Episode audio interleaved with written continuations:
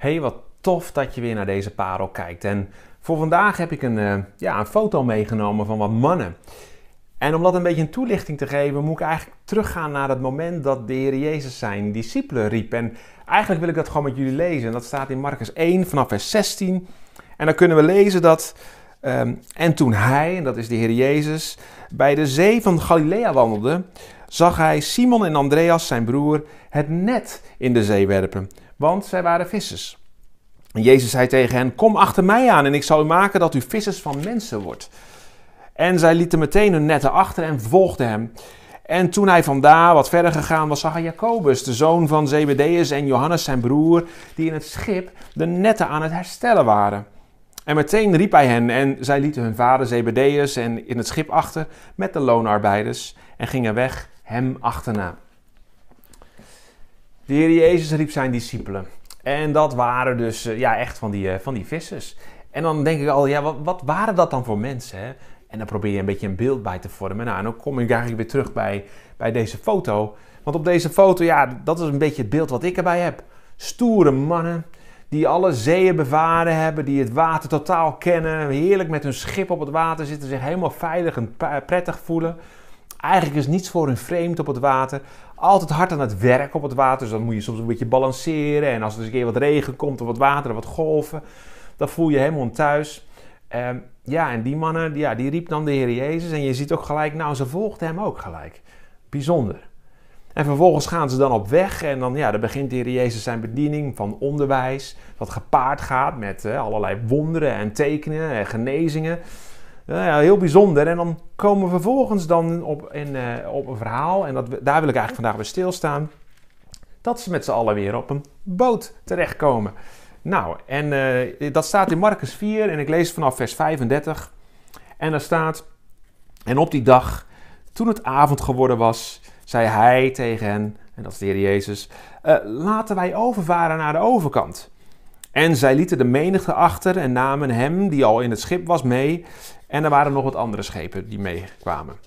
En er stak een harde stormwind op en de golven sloegen over het schip zodat het al vol liep. En hij, dat is de Heer Jezus, lag al in het achterschip te slapen op een hoofdkussen. En zij wekten hem en zeiden tegen hem: Meester, meester, bekommert u zich er dan niet om dat wij vergaan? En hij, wakker geworden, bestrafte de wind en zei tegen de zee: Zwijg, wees stil. En de wind ging liggen en er kwam een grote stilte. En hij zei tegen hen: Waarom bent u zo angstig? Hebt u dan geen geloof? En zij vreesden met grote vrees en zeiden tegen elkaar: Wie is deze toch? dat zelfs de wind en de zee hem gehoorzaam zijn. Een bijzonder verhaal. zit je op een boot en vervolgens breekt de storm uit en daar ligt de Heer Jezus te slapen. En dan even weer terug naar die mannen. Die sterke, stevige mannen die alle zeeën bevaren hebben, het water kennen en al tijdenlang daarmee bezig zijn. Zij zitten op die boot en dan neem ik aan, op een gegeven moment begint dan storm en te waaien. Maar ja, kom op, hé. dit zijn professionals toch? Dit zijn mannen die daar geweest zijn. Dan denk ik, dan valt het toch wel mee. Die laten zich toch niet zo snel bang maken. Maar wat kunnen wij hier lezen? Is dat ze wel heel bang waren. En op een gegeven moment waren ze, denk ik dan, hè, druk bezig om ervoor te zorgen dat ze niet vergaan. En waren dan wel angstig en liepen dan op een gegeven moment tegen de Heer Jezus, die lag te slapen. Hé, hey, bekommert u zich dan niet dat wij vergaan? Met andere woorden, zij hadden alleen nog maar het beeld over van, wij kunnen hier niks meer aan doen.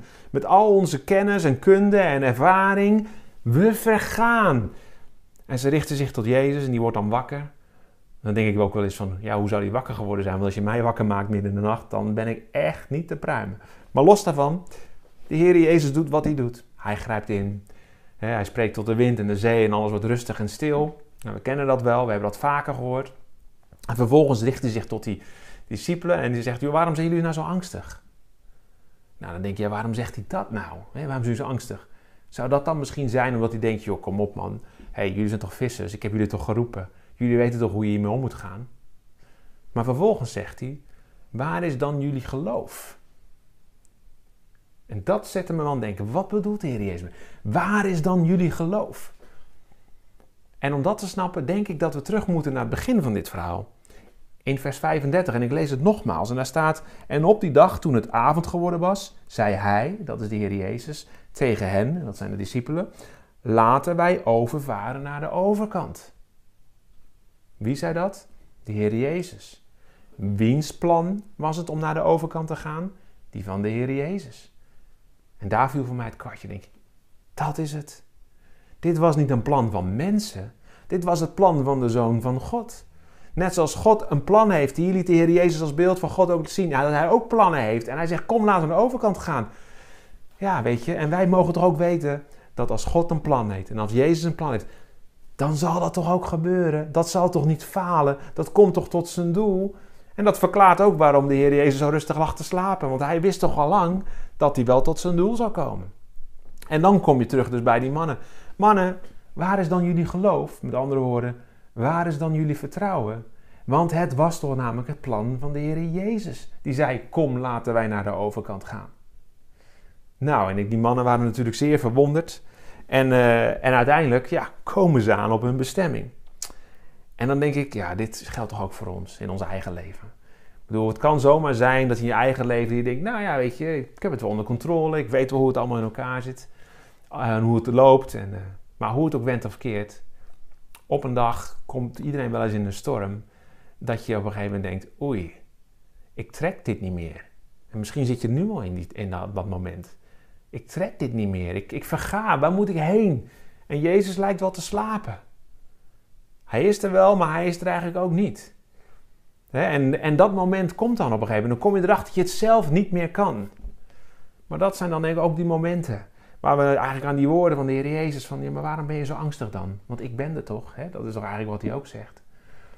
Waarom ben je zo angstig? En vervolgens ook... Waar is dan je geloof? Waar is jouw vertrouwen op mij? En zelfs dan denk ik, nou ja, zoals we het soms ook wel kunnen lezen in Gods woord... Als we dan ons tot de Heer Jezus richten, soms komt hij ook ons ongeloof tegemoet. En grijpt hij ook gewoon in. En doet hij de dingen die hij doet. Maar één ding is zeker, en ik denk dat het dat belangrijkste is. Je komt altijd op je bestemming aan. Want uiteindelijk is het niet jouw plan, maar is het plan van God waarin jij mag wandelen in Christus. En daarmee zal je altijd op je bestemming aankomen. Nou, en als je dan dat beseft, dan denk ik, eigenlijk moeten we dit verhaal gewoon andersom lezen, joh. Weet je, laten we eens beginnen bij het feit dat je weet dat je altijd op je bestemming aankomt. En als je dan terug gaat kijken, dan weet je dat dat moment komt, net zoals die mensen tegen elkaar zeiden, wie is toch deze? Dat je dus altijd verwonderd raakt van wat het werk is wat de Heer Jezus doet en het werk wat God doet. Omdat er dingen gebeuren die niet verklaren kan, die ver boven alle verstand en macht gaat.